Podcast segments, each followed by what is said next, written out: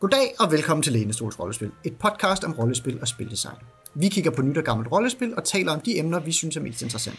Og i dag skal vi tale om Mothership og modulet Dead Planet. Jeg hedder Nis Bakkesen, og med mig for at diskutere bogen er... Oliver Nøglebæk. Morten Greis. Og Elias Helfer.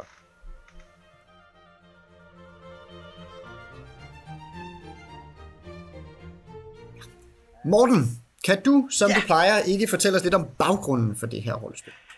Jo, øh, baggrunden for Mothership og Dead Planet er i virkeligheden ret beskedent. Det blev udgivet af Tuesday Night forlaget, øh, og det gjorde de i 2018 øh, som en beta, og det er et system, som stadigvæk er under udvikling. Vi har fået... Øh, hvad skal jeg sige, Player Survival Guide til Mothership Sci-Fi Horror RPG, og så er der kommet scenarier, og det er ikke kommet en GM-bog endnu. Så som sådan er det virkelig en sådan baggrundshistorie, men det her system trækker selvfølgelig tråde tilbage til nogle af de øh, emner, vi har beskæftiget os med i tidligere episode, fordi det her er, hvad man et eller andet sted kan klassificere som et OSR-rollespil, altså en old school renaissance øh, rollespil, som vi har været inde på i forbindelse med vores øh, Dungeons and Dragons episoder, når vi har snakket Lamentations of the Flame Princess og, og lignende ting. Øh, men der, hvor det adskiller sig fra de andre, er, hvad skal jeg sige, til dels regelsystemet. Det her er nemlig ikke en retroklon af D&D, hvor mange af de andre øh, ting, vi har fat i, som Dungeon Crawl Classics, eller Castles and Crusades, øh, Labyrinth Lord osv., som er retrokloner af D&D, hvor man ligesom genskaber D&D, så er det her et procentbaseret system, som nærmest kan trækkes bedst tilbage til Call of Cthulhu's øh, procentbaserede basic regelsystem, uden at der er sådan entydige, øh, hvad skal jeg sige, kilder eller tråde til, hvad der er sådan den oplagte rekonstruktion. Det er mere den her sådan, tankegang om, hvordan man spiller OSR-rollespil. Det er mere spilstilen, der er tale om her. Øh, og så ideen om øh, do-it-yourself-ting, som vi også har set meget inden for Forge-miljøet, det gør, øh, gør sådan, øh, nemlig også gældende inden for en del af OSR-miljøet, og det kan man også se den måde, som hæfterne er sat op på, at det her det er sådan en god øh, horror vaku-agtig hæft udgivelse, hvor der ikke er noget blankt øh, i hæfterne, altså hver en centimeter eller hver en linje simpelthen fra for, øh, i hæftet er brugt til at fylde tekst ud. Der er ingen blanke felter i det her, øh, modsætning til en, en almindelig bogudgivelse for eksempel. Så, så det kom i 2018, det findes endnu, øh, kan fås rundt omkring, øh, og det er sådan set baggrunden for det. Yes, men nu er det måske ikke alle, der har hørt om Mothership før, og så Elias, kan du lige fortælle os, hvad det er? Vi har fået at vide, det er et sci-fi horror-rollespil, men hvad er pitchet egentlig? Ja, pitchet er sådan set... Nu har vi jo lige snakket om, øh, om et scenarie i Alien-rollespillet, og det er jo i nogen grad Alien med serienummerne filet af. Man er nogle folk, der øh, befinder sig et eller andet sted ude i rummet på et rumskib, og øh, så sker der skrækkelige ting. Øh, så det er sådan noget med, at du, du kan spille forskellige typer sådan, øh, øh, folk, der kunne findes ude på sådan rumskibe her. Der er Teamsters, som jo er, ja, drager hedder, er det vel nærmest, eller det er sådan, de her folk, der flytter varer rundt. Så kan man være mariner, man kan være øh, videnskabsfolk, og man kan være androider. Så, så det er nogle af de her typer, der findes i for eksempel Alien og Aliens og alle de der film, øh, hvor det handler om det store, mørke, skrækkelige rum, og de forfærdelige ting, der kan gemme sig derude. Øh, så, så, øh, så det handler om at have et øh, system, hvor man nok er knyttet til sin karakter, men hvor, øh, hvor karakteren ikke er mere avanceret, end at man kan godt holde til, at den dør, og hvor der er nogle rimelige udviklede regler for, hvordan folk bliver, bliver bange og går i panik og bliver stresset. Så er der derudover et, øh, som sagt, et modul, som er ligesom en, et, sådan en showcase for, hvordan det er, man gør det her. Der er tre karakterer, der, eller ikke tre karakterer, tre øh, scenarier, moduler, øh, der ligesom øh, hver især er forskellige former for horror, øh, der alle sammen har en bestemt fjende, som i sit, bestemt, i sit centrum, øh, der hedder The Gaunt, øh, men på forskellige måder, og det er nogle ret forskellige øh, sådan moduler, som gør nogle ret forskellige ting, og på forskellige måder viser, hvordan det er, man kan bruge det her system. Yes. Og Oliver, nu fik uh, Morten jo sagt, at det, det var nærmest var horror vacui, hvilket jo er en helt speciel slags horror i sig selv, um, som var ud, kom udtryk i de her bøger. Men kan du ikke fortælle os lidt mere om, hvordan de rent konkret ser ud, og hvad man får? Jo, man får øh, sådan to hæfter i, øh, af 5 størrelse, sort-hvid, øhm, på cirka øh, sådan for 50 sider. Og øh, som sagt, de er tæt pakket med informationer og ting og sager, og så er det illustreret med sådan en, øh, hvad jeg synes er en rigtig fin sådan øh, øh, skitsende, øh, frit tænkende streg fra forfatterens side af, som er meget levende og stemningsfuld, men ikke nødvendigvis særlig detaljeret eller professionelt udseende, som passer ret godt til den sådan tonespillet også generelt, som er sådan lidt, lidt, lidt mere entusiastisk, end det er poleret, og, øh, og lidt mere øh, om stemning, end, øh, end det skal være rigtig, øh, sådan rigtig øh, sharp. Og så er der en masse øh, tabeller, man kan rulle på i den, som er fint bygget ind. Og øh, karakterark og ting og sager, som alle sammen på en eller anden måde øh, er, består af flowcharts, hvilket vi kommer ind på lidt senere. Men det er en øh, gennemgående grafisk element i alt, hvad der kan printes også. Øhm, og øh, scenariet har lidt flere farver på. Der er en masse øh, røde ting og sager, som bliver brugt i grafikken rundt omkring, men ellers er det stadigvæk øh, sort-hvid og og sådan lidt øh, computerterminal stemning fra 90'erne på mange af teksterne også øh, fuldt ind over. Så der er sådan en sjov øh, remixet øh, scene-stil, punk-agtig øh, tilgang til øh, layoutet, som, som giver sådan en rigtig fin øh, ja, følelse af noget ufærdigt og, øh, og lidt... Øh, jo, altså det, det giver meget sådan det der rå og lifting ja. udtryk, som man jo også kender fra Alien-film og, og sådan nogle ting. Altså, det, det, egentlig, altså det med ret få ressourcer på en eller anden måde, de har fået udtrykt det ret fint. Ja, synes jeg også.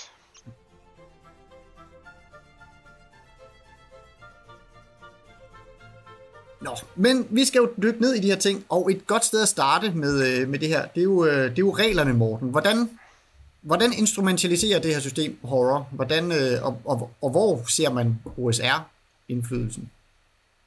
Ja, det, det var et cool spørgsmål. Øhm, regelsystemet er et procentbaseret, øh, skillbaseret system, øh, så man ruller sine procentterninger, man ruller under sine færdigheder, og man har, øh, eller man laver sin saving throws, fordi man har, hvad skal jeg sige, sine færdigheder, man har sin evnetal, man har sin saving throws, øh, som udgør ens karakter. Øh, så, så det er sådan set kernen i det. Og så har der jo så tilknyttet et, øh, i forbindelse med horror, et, øh, ikke et decideret sanity-system, men et sanity-lignende system, hvor hver gang man oplever noget uhyggeligt, eller noget stressende, eller bliver presset, så optjener man stresspoint, og af og til, så laver man så en, en paniktest, hvor man så ruller op imod sin stresspoint, og hvis man ruller under mængden af dem, jamen så skal man nu lave et øh, rul på paniktabellen og se, hvor, hvad skal jeg sige, hvor galt det går for ens karakter, hvor, man, hvor traumatiseret man bliver, begynder man at hallucinere, bliver man lammet af frygt, øh, og så fremdeles. Så man kan se, øh, så det har mange ligheder et eller andet sted med Call of Cthulhu's Sanity-system, øh, som jo, hvad skal jeg sige, et eller andet sted balancerer lidt på, at Call of Cthulhu har altid været lidt mærke omkring øh, gys og, og vanvid, fordi at sanity-systemet et sted bruges til at afspejle det vanvid, der kommer ved, at man konfronteres med den her sådan, øh, det verdensbillede, der ligger i Cthulhu-mytosen, men det bruges ofte også til i horror-rollespil, til simpelthen at håndtere skræk og rædsel. Og man kan se et eller andet sted, at den tankegang blev løftet over i Mothership, Øhm, så, så mange af de ting, der, der hvad skal jeg sige, man reagerer på, når man går i panik for eksempel, det ligner, øh, eller har, hvad skal jeg sige, en del ligheder med, med Call of Cthulhu's øh, sanity-tabeller også. Noget der, hvor spillet, hvad skal jeg sige, rammer øh, OSR-ånden, er de tabeller, som Oliver var inde på tidligere, fordi Øh, Øhm, en del af OSR spilstilen, særligt for spillet, er, at man forbereder, hvad skal jeg sige, meget af spillet ud fra tabeller, som bruges til kreativ benspænd, så man ruller simpelthen sit spil frem øh, på tabellerne, og bruger det nu som retningslinjer for de eventyr, man skal spille, og der er i forskellige OSR-produkter udviklet forskellige metoder, for eksempel nogle, hvor man kaster terningerne ned på et øh, papir, forbinder terningerne med streger, og på den måde opstår en by eller en dungeon og lignende, og det ser vi også i Dead Planet, når vi når der til, at der er en, en rumskibsdesign-ting, hvor man ruller en pulje terninger og sætter terningerne sammen, og så har man et rumskib øh, på den måde. Det hvor, hvad skal jeg sige, hvor øh, systemet i for mig bliver sådan lidt, hvad skal jeg sige, lidt punk og lidt råt, er, at det, det er sådan både en blanding af nogle klassiske skidbaserede mekanikker, hvor man så har en masse procentmodifiers. Øhm, nogle kommer fra den måde, skills er bygget op på, fordi man har sine basisevner. Så køber man så sine øh, skills, og når man så ruller en skill-test, så går man ind og siger, hvad er min evne, plus skill, øh, den skills procentværdi, lægger de her to sammen. Hvis GM synes, der er nogle situationelle modifiers, så lægger man det til, så man begynder at lægge en masse tal oven i hinanden. Og så ruder man så, hvad skal jeg sige, i moderne D&D og Call of Cthulhu-stil, også med advantage og disadvantage mekanikker, hvor man ruller flere terninger og vælger de bedste eller de værste. Så det er sådan en, en sjov blanding af en, en Call of Cthulhu 7th Edition, øhm, brugt til at spille noget Alien Rum Horror, Event Horizon Horror med, og så er der så lagt nogle sjove tankegange ind omkring øh, at ramme stilen og tematikken, så man kan sige, at nogle af reglerne er sådan nærmest en form for moduler, der er lagt ned over, altså horror-sekvensen, eller det, at man nu har nogle klasser, der har nogle særlige special powers, så når man spiller scientist, og når man så fejler til saving throw, så, øh, så får alle hvad skal jeg sige, øh, friendly player characters i nærheden for os stress, et eller sted, der afspejler, at forskeren begynder at snakke for meget om det, forskeren ser, øh, eller mariner, øh, de, de stålsatte indtil de begynder at gå i panik, så spreder panikken sig iblandt dem og sådan nogle ting. Så der er sådan nogle forsøg på, at der kobler sådan nogle ting ind, og så noget der, hvor spillet begynder at blive ret sjovt, det er de her flowcharts, som øh, Oliver var inde på, hvor det at lave karaktererne er også at følge et flowchart, og det flowchart er en del af karakterarket, så man ruller sine evner, fire evner, sin strength, speed og intellect, og så følger man nærmest bare pidende rundt på karakterarket og siger, aha, her skal jeg vælge en klasse.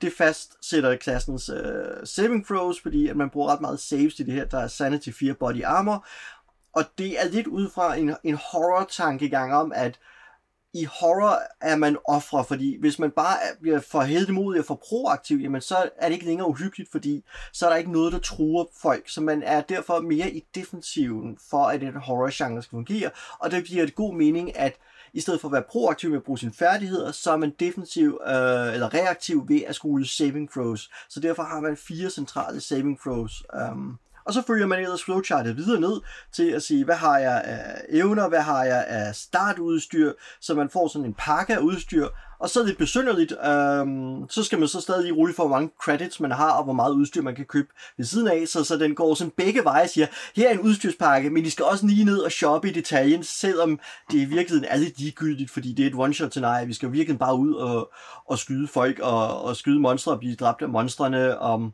og men, der, er jo også, sådan... der er jo også et karakter advancement system, så man kan jo, jo godt jo, der er et karakter advancement system, øh, men, det, øh, men det fremgår jo også, at hvis du er så heldig at overleve din første gang og så videre, så får du nærmest lov til at stige levels efter hver gang du overlever, fordi dødeligheden er alligevel så høj, så vi forventer ikke rigtigt, at særlig mange overlever med en et og er færre end to.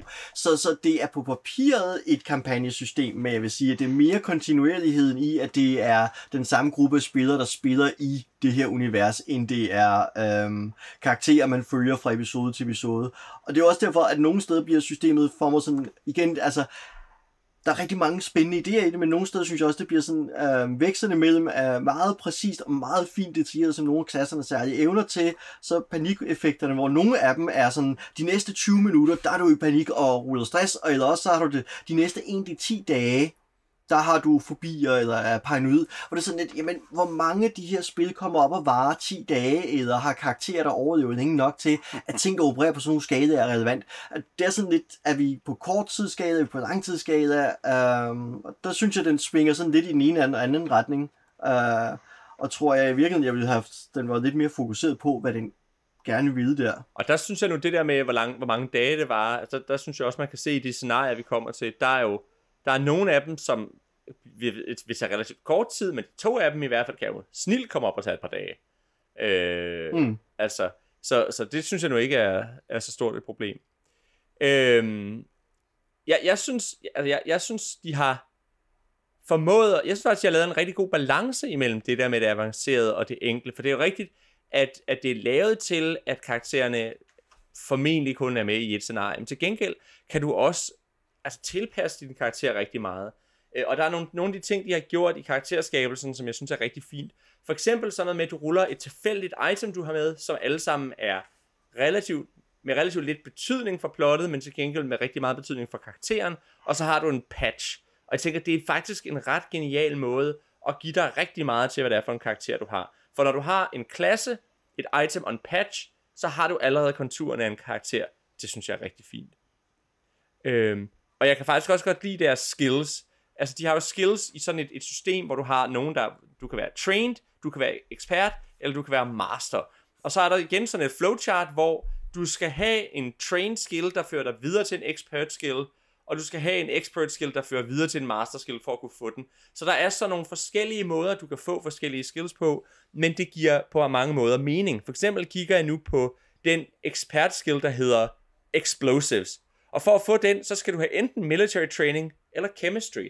Og der kan jeg se for mig, ja, det giver super god mening, og det er med til at tone, hvad det er for en karakter, jeg er, om jeg har explosives på baggrund af min kemi eller min militærtræning. Øhm. Ja.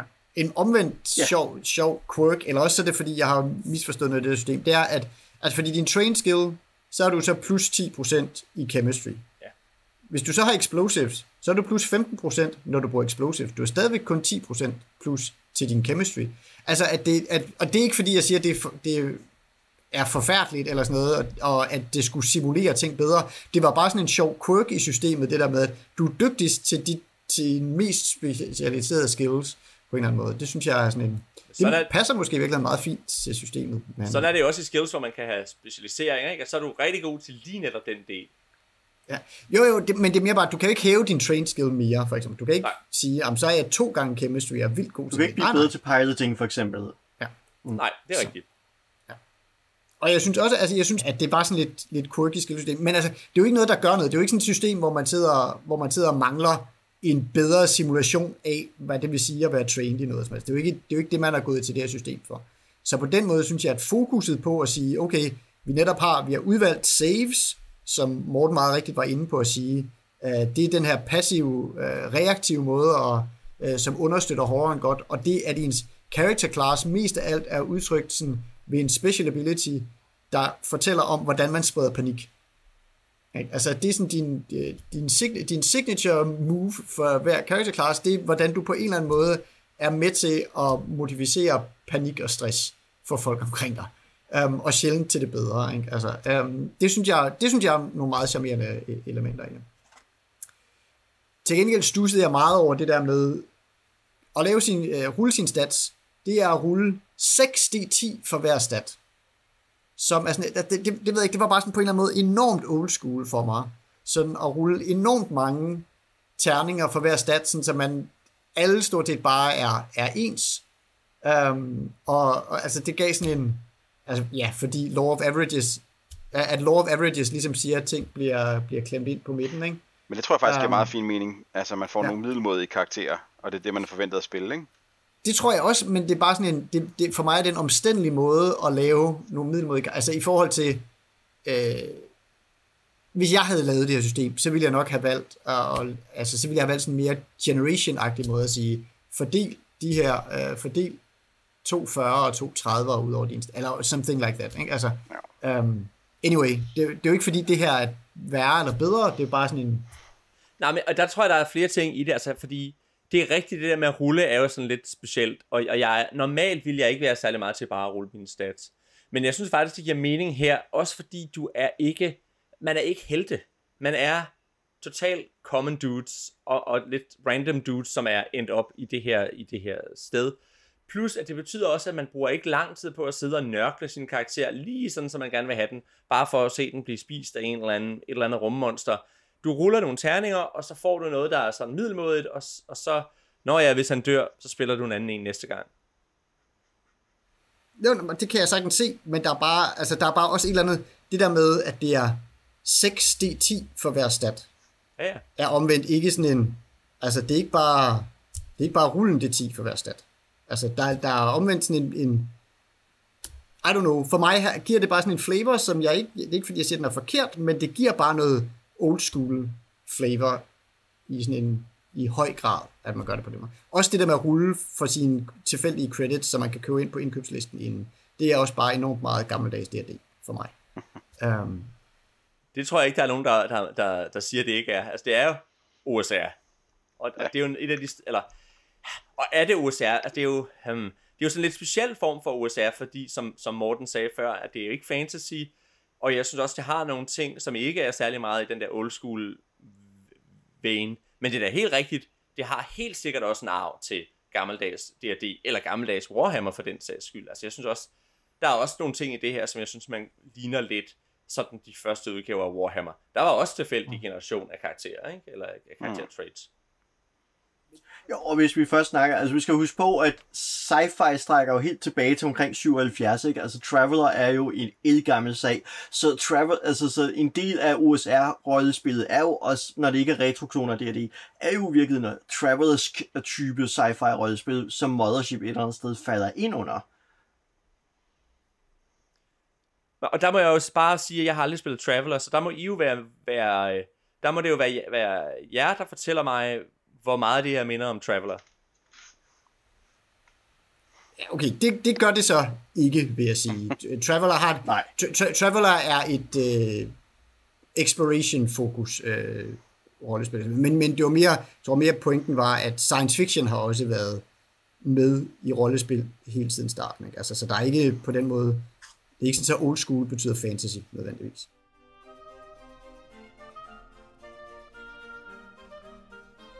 Vi var lidt ved, øh, ved det allerede, så jeg tænker, måske skulle vi fokusere lidt mere på netop horror-delen, som jo så er det, som det her specialiserer sig i. Så Elias, kan du ikke dykke lidt mere ned i, hvordan det her spil laver horror? Jo, det vil jeg da gerne. Altså, der kan man sige, der er lidt forskel på, hvordan Mothership Player Survival Guiden gør, øh, snakker om det, og hvad det så er, vi ser i Dead Planet. Så hvis nu vi starter over i, i Player Survival Guiden, der synes jeg jo, og det snakkede Morten allerede en del om, Øhm, men der er det her med, øhm, med at rulle stress og panik. Og det det jo gør, er, at det tager kontrol fra dig som spiller. Altså at i nogle systemer, der præsenterer spillederen der for et eller andet, og så reagerer du, og det er op til dig, hvordan du reagerer. Og det er det faktisk ikke helt her. Fordi her er det jo sådan, at hvis du oplever noget forfærdeligt, eller får noget forfærdeligt at vide, eller, eller øh, du pludselig indser noget forfærdeligt, så skal du pludselig rulle og så kan du risikere at gå i panik, uden selv at have, have valgt det. Og det er faktisk sådan, at øh, før, vi, øh, før vi læste det her, der havde jeg hørt, øh, det var øh, Shut Up and Sit Down, hvor der var en gut, Matt fra Shut Up and Sit Down, der havde spillet et, øh, et scenarie, hvor de alle sammen sad med høretelefoner på, øh, fordi så fik de med jævne mellemrum ting at vide, som det kun var en eller to af dem, der vidste. Og hvor de ofte ikke fortalte hinanden, hvad det var, de fik at vide, fordi, åh oh nej, hvis nu jeg fortæller ham der, øh, marinen, om det her forfærdelige, vi lige har fået at vide, så risikerer vi, at han går i panik, og så går alle de andre mariner også i panik, og det kan vi ikke have, så vi må hellere lade være med at fortælle ham, hvad der er, der foregår. Altså, at så, så der er noget med det der med, at det bliver sådan den der øh, paranoide, klaustrofobiske form for horror, der også er, hvis du, hvis du ser filmen Alien, altså den første Alien-film, hvor det også igen er det her med, de skændes og i munden på hinanden, de forstår ikke rigtigt, hvad der, er, der foregår, og de er en helt flok mennesker med et eller andet forfærdeligt i en dåse i rummet. At, og det, det er ligesom øh, det, som jeg synes, grundbogen meget lægger op til. Så kan man sige, når vi så går over i uh, Dead Planet, der er der jo så tre forskellige øh, moduler, og de har alle sammen forskellige fokus, øh, forskellige former for horror, øh, de ligesom præsenterer. Og det første, og, og vi skal jo skynde os at sige, at vi kommer til at spoile det her sådan i moderat svær grad. Ikke fordi, så der er ikke så meget at spoile i virkeligheden, synes jeg, men, men vi kommer til at spoile nogle ting her. Det første hedder The Screaming on the Alexis, som handler om, at øh, man opdager et rumskib, der flyder rundt i rummet, og så går man ombord på det her rumskib og prøver at finde ud af, hvad der foregår. Og så er der noget slemt ombord på det her rumskib. Og det er meget den der sådan klassiske exploration horror, med at vi trænger ind et eller andet nyt sted, og der foregår noget, som er forfærdeligt. Så er der den næste, som hedder uh, The Tyrant Moon, mener jeg. Uh, Tyrant Beggar Moon Colony. Tyrant Beggar Moon Colony, ja. Og det er, at man falder ned på månen rundt omkring den her Dead Planet, og, øh, og der er en koloni af mennesker, det er sådan en koloniskib, der, der er crashet på den her planet, og der foregår noget skrækkeligt derinde, og noget af det, det opdager man ret hurtigt, hvor man pludselig skal forholde sig til de her mennesker, som er mennesker ligesom os, men som også er nogle monstre. Og så langsomt finder man ud af, at der er mere på spil, end bare, at de er gale i lovet. Øh, og så, så det er mere den der sådan sociale form for horror. Øh, altså jeg tænker, det er lidt ligesom uh, Wicker Man, eller nogle af de der, hvor man trænger ind i, en, i et samfund, og så opdager man pludselig, at der foregår et eller andet rigtig forfærdeligt her. Og det sidste modul er mere sådan noget, øh, jeg, jeg ved ikke om det er action horror, og det er sgu nok action horror. Der lander man på planeten, og så opdager man, at der er noget dernede, der bare er rigtig skidt. øh, og så skal man så forholde sig til, øh, hvad det er, der foregår der. Så der er ligesom tre forskellige versioner af horror, hvor jeg tænker, at øh, den sidste variant, som hedder, hvad hedder den? Nu har jeg glemt, hvad den hedder igen. Det er bare The Dead Planet. Det er bare The Dead Planet, ja. At det er mere, det, det er sådan den, i virkeligheden den mindst interessante, men det er mest sådan øh, action horror, så er der den der relationship, øh, community horror, og så sidst men ikke mindst er der den der exploration horror. Ja. Jeg tror godt, jeg vil byde på et, øh, komme med et lidt andet bud. øh, særligt på den sidste del. Um, som, som jeg læser den, så synes jeg virkelig, at det fjerde modul, Dead Planet, er splittet op i to halvdele. Der er der, hvor du, ja, nede i, øh, i en forskningsstation og skyder monstre. Det er sådan lidt Doom-agtigt. Øhm.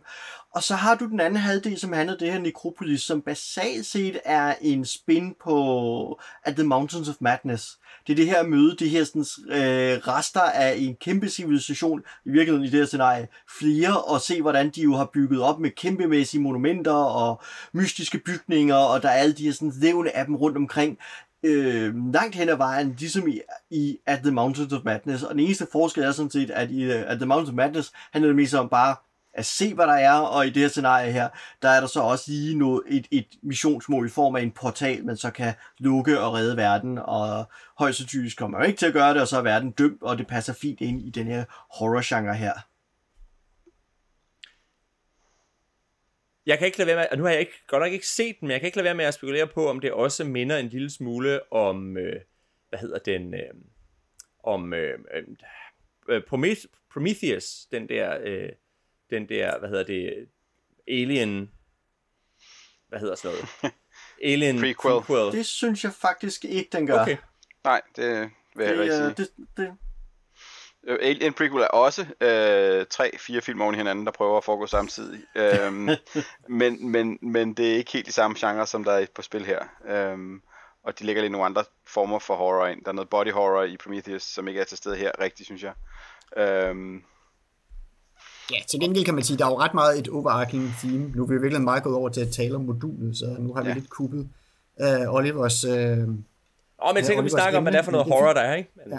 Ja, men altså man kan sige, det gennemgående emne her er jo så meget sådan noget, hvad hedder det, øh, ja, sådan noget horror from beyond, øh, altså sådan reality på en eller anden måde, ikke? Altså sådan noget, øh, ja, så, så hvor det er rigtigt nok, at Screaming on the Alexis godt kan sammenlignes med, med Alien, men jeg vil sige, det på en eller anden måde, for mig er det mere en Event Horizon ting. Det er mere, at du er ombord på det her rumskib, ja. som har gjort noget, eller er blevet fanget i noget, som er out of this world. Ikke? Altså, rumvæsenet Alien er i det mindste bare sådan en shit, vi er fucked, fordi den her ting er farlig, men den er ikke sådan unexplicable. Den er ikke sådan uden for min fatteevne.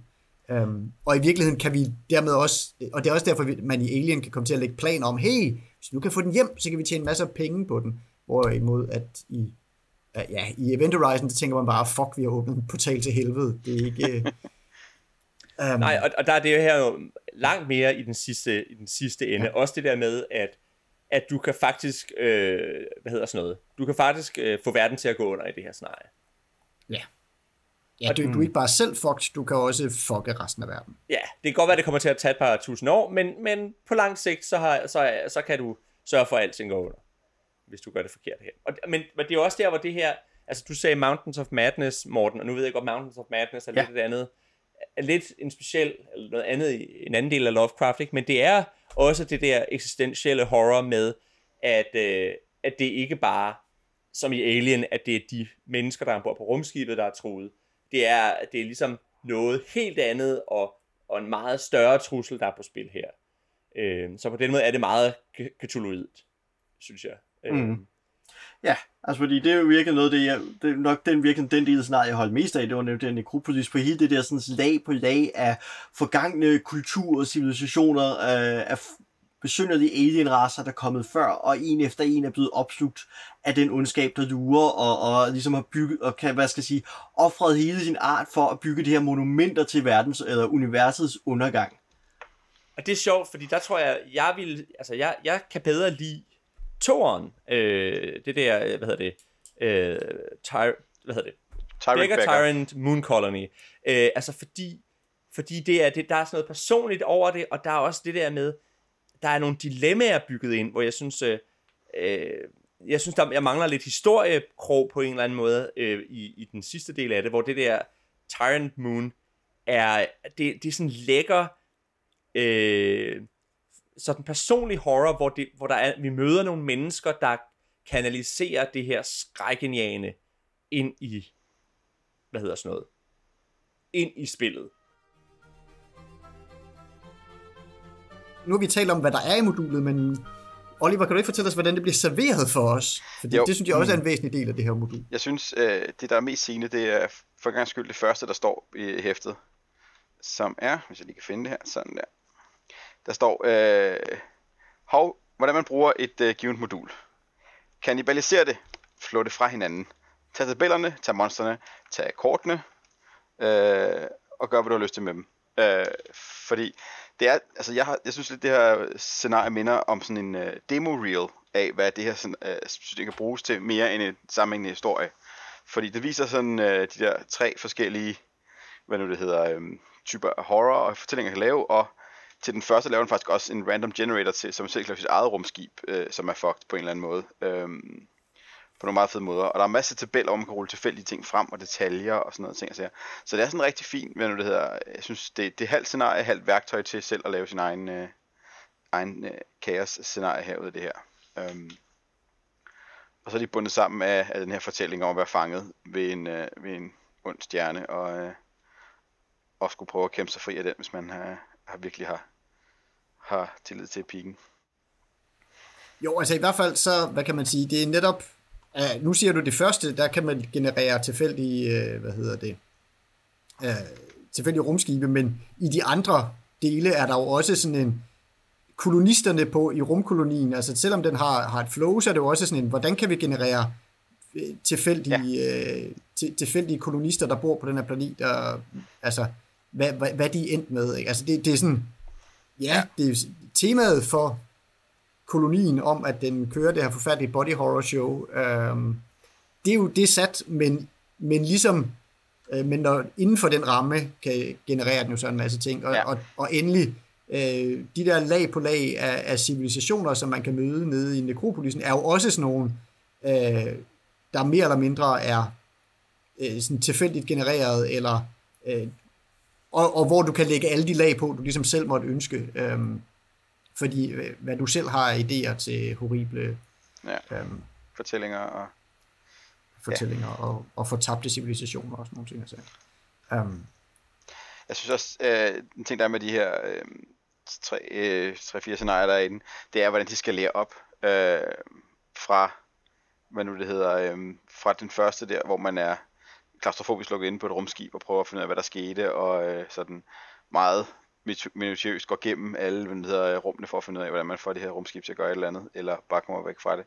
Og så over til rumbasen, øh, hvor det er sådan lidt mere øh, løst rollespil med nogle mennesker, til så øh, sådan relativt friforms øh, exploration af nekropolisen, til rimelig tight dungeon crawl med masser af vold og terninger til sidst, hvis man øh, tror, man kan klare øh, bossfighten.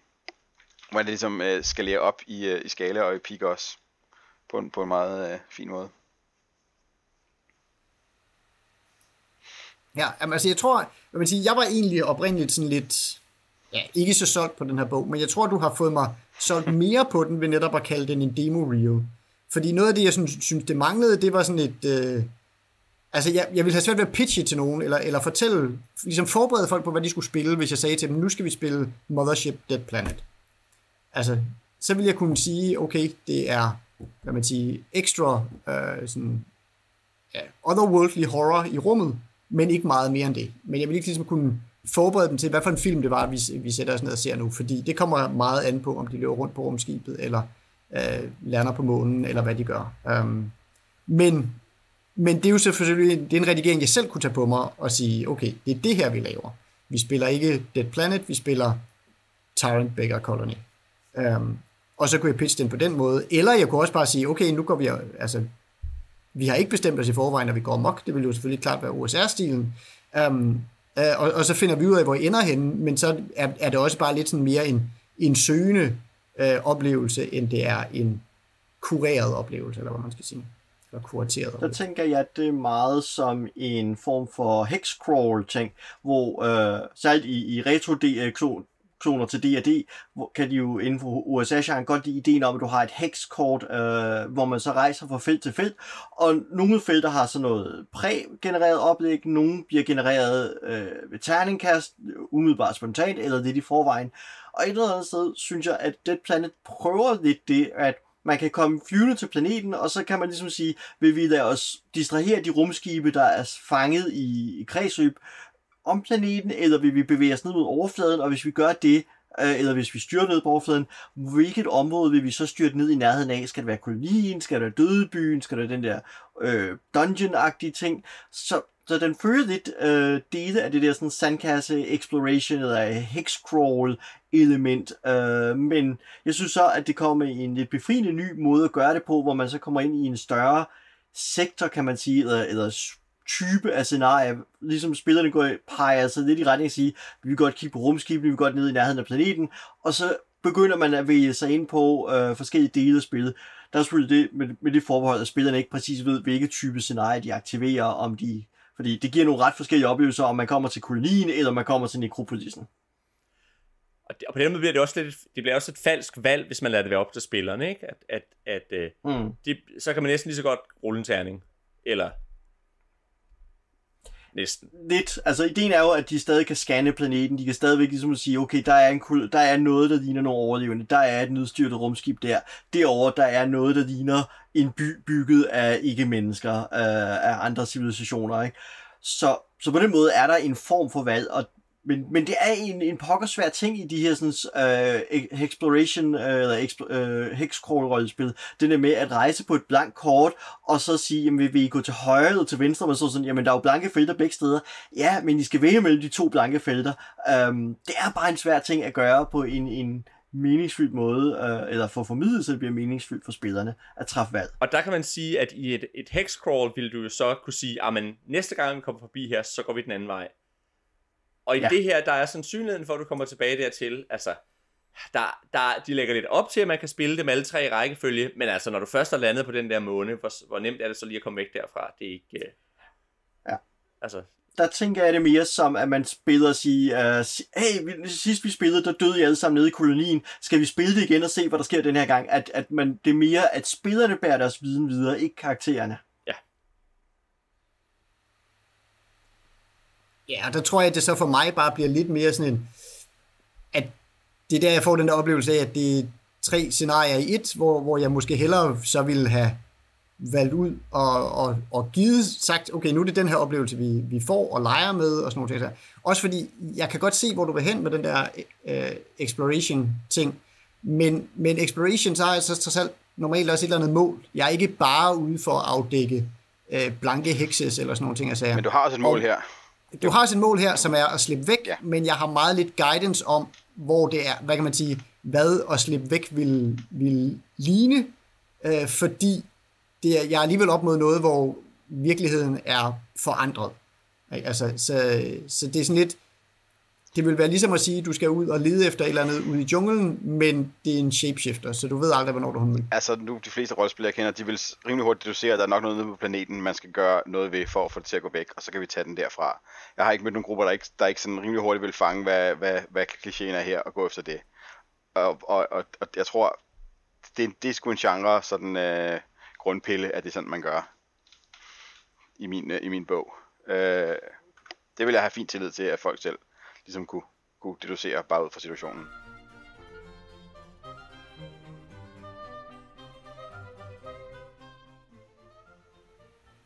Nu har vi så talt om øh, Mothership, øh, både Players Guiden og også om modulet Dead Planet, eller modulerne i Dead Planet.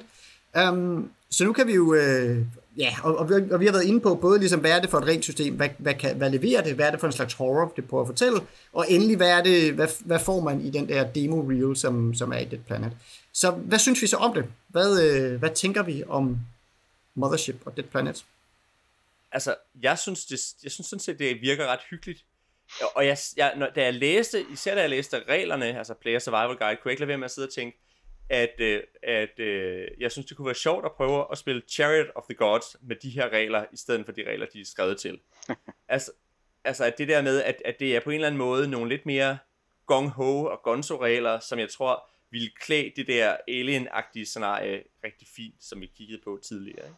Ikke? Øhm, det er ikke noget, jeg, altså, det er ikke sådan noget, hvor jeg bare tænker, yes, det er lige til mig det her. Men på den anden side, hvis jeg skulle spille noget horror-rollespil på et tidspunkt, så synes jeg, det her godt kunne være sjovt at prøve at lege med.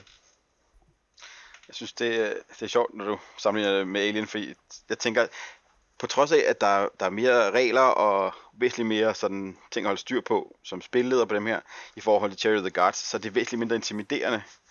Fordi her, der skal jeg bare øh, få lavet noget nogenlunde sjovt øh, space horror. Jeg skal ikke prøve at ramme alien-stilen så præcist og så nørdet, som Cherry of the Guards ligger op til. Jeg synes, det er, det er meget imødekommende, og, og fordi det er sådan lidt, øh, lidt beta i, øh, i, i stilen og udtryk og ting, så, så er det jo ikke super vigtigt, at man rammer rigtigt og, og, og laver de rigtige øh, judgment calls på alle mekanikkerne og sådan ting og sager.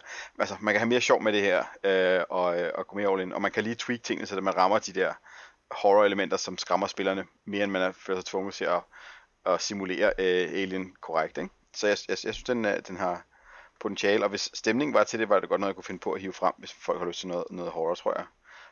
Bare fordi, at, at det, øh, det er sådan et meget spralsk scenarie øh, at, at tage fat i, og det, og det er sjovt at se, hvor det ender hen, fordi jeg kan ikke forestille mig, hvordan en oplevelse med det her scenarie kommer til at være på forhånd, for det, det kan så meget forskellige retninger.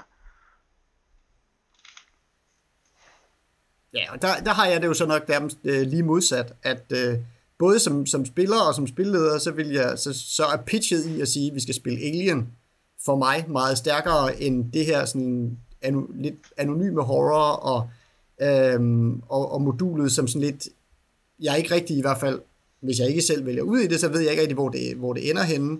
Jeg, så dermed ved jeg ikke, hvad det er for en oplevelse, som, øh, som jeg får, hverken som, øh, som spiller eller som, eller som spilleder. Um, altså, så, så for mig føles det sådan utight øh, mange steder, selvom jeg synes, der er, altså, i reglerne, der er nogle charmerende elementer i det der med, at øh, øh ja, karakterklasserne er defineret ved, hvordan de spreder panik. Um, og jeg synes, der er nogle... Øh, altså, jeg, jeg kunne da sagtens se, at der er noget at plukke i og kannibalisere i, i Dead Planet, men, men det er også sådan lidt... Sådan et, øh, jeg føler lidt, at jeg lige så godt kunne have, have sagt nogen, ah, skal vi ikke lave et riffe et eller andet over Event Horizon, og så kunne jeg tage den derfra og tænke, når nogen har åbnet en portal til helvede, så riffer jeg bare derudad. At, at på den måde føler jeg mig ikke sådan så, så understøttet af, af noget modul. Men øh, det er måske også bare et spørgsmål om, at, at genren ikke tændte mig så meget, så jeg ligesom blev fanget ind af de godbidder, der så alt er i den, fordi der er masser af spændende ting og sjove idéer og, og, og horrible horror i Dead Planet. Det er ikke det. Er ikke det. det kan jeg sagtens se. Altså jeg må nok også være, være ærlig og sige, at jeg synes Dead Planet nok er den mindst skarpe del af det. Nu ved jeg godt, Morten godt kunne lide den nekropolis, der var. Det synes jeg blev for ufokuseret, og, og altså, det bliver i for højt niveau. Men jeg, jeg, øh, jeg kunne godt synes, det var sjovt at prøve at creepe nogen helt vildt ud over Tyrant Beggar Moon Base. Altså det, der, der foregår nogle ting der, som er lækkert forfærdelige. Øhm. Ja, jeg tror, jeg strander sådan et, et sted mellem, at, at både synes, at det, det er fascinerende og øh, har nogle gode idéer, og så, så bliver sådan lidt redundant. Men det er nok også, fordi et eller andet sted, så har jeg en, en haft en vis erfaring med at bruge, hvad skal jeg sige, Call of Cthulhu-reglerne, mere eller mindre som Mothership også gør det, til simpelthen at sige, nu spiller vi noget horror, vi har et simpelt procentbaseret system, der egner sig godt til one-shot-rollespillet, øh, hvor man ikke skal tænke så meget over de finere detaljer i, hvordan skills og færdigheder fungerer, for vi skal bare lige bruge det til nogle timers øh, horrorspil, hvor vægten er på stemningen, øh, og, og hvor stemningen får lov at trumfe øh, mekanikker. Så et eller andet sted, så så derfor brænder den ikke så meget ind på mig øh, som system i sig selv, Mothership. Men til gengæld synes jeg, der er nogle ret finurlige ting i regelbogen, som altså til dels er inspirerende, såsom flow, flowchart character sheetet, hvor jeg nærmest bare følger pilene på arket, og på den måde laver karakteren til, til dele af, hvordan, hvad skal jeg sige, øh, som Nis også er rigtig meget inde på, netop det der med, hvordan karakterklasserne er defineret med måden, de skaber panik på. Så der er sådan nogle rigtig gode moduler, jeg gerne vil tage ud, og jeg tror, jeg har lidt det samme med, med det Planet, at der, der dele af det, hvor jeg siger, åh, oh, det bliver sjovt at spille, og det der, det er sådan, nej, det gider jeg ikke. Øh, så som det, men der er det jo også et eller andet sted, det de skriver, man skal plukke i det, og man skal flytte det ud, man synes er spændende. Så, så de har på den måde hele det sig godt øh, med, at man skal ikke kunne lide det hele. Mm. Man behøver i hvert fald ikke kunne lide det hele. Man må godt, tror jeg. Nej, man behøver ikke. Ja, man må selvfølgelig gerne.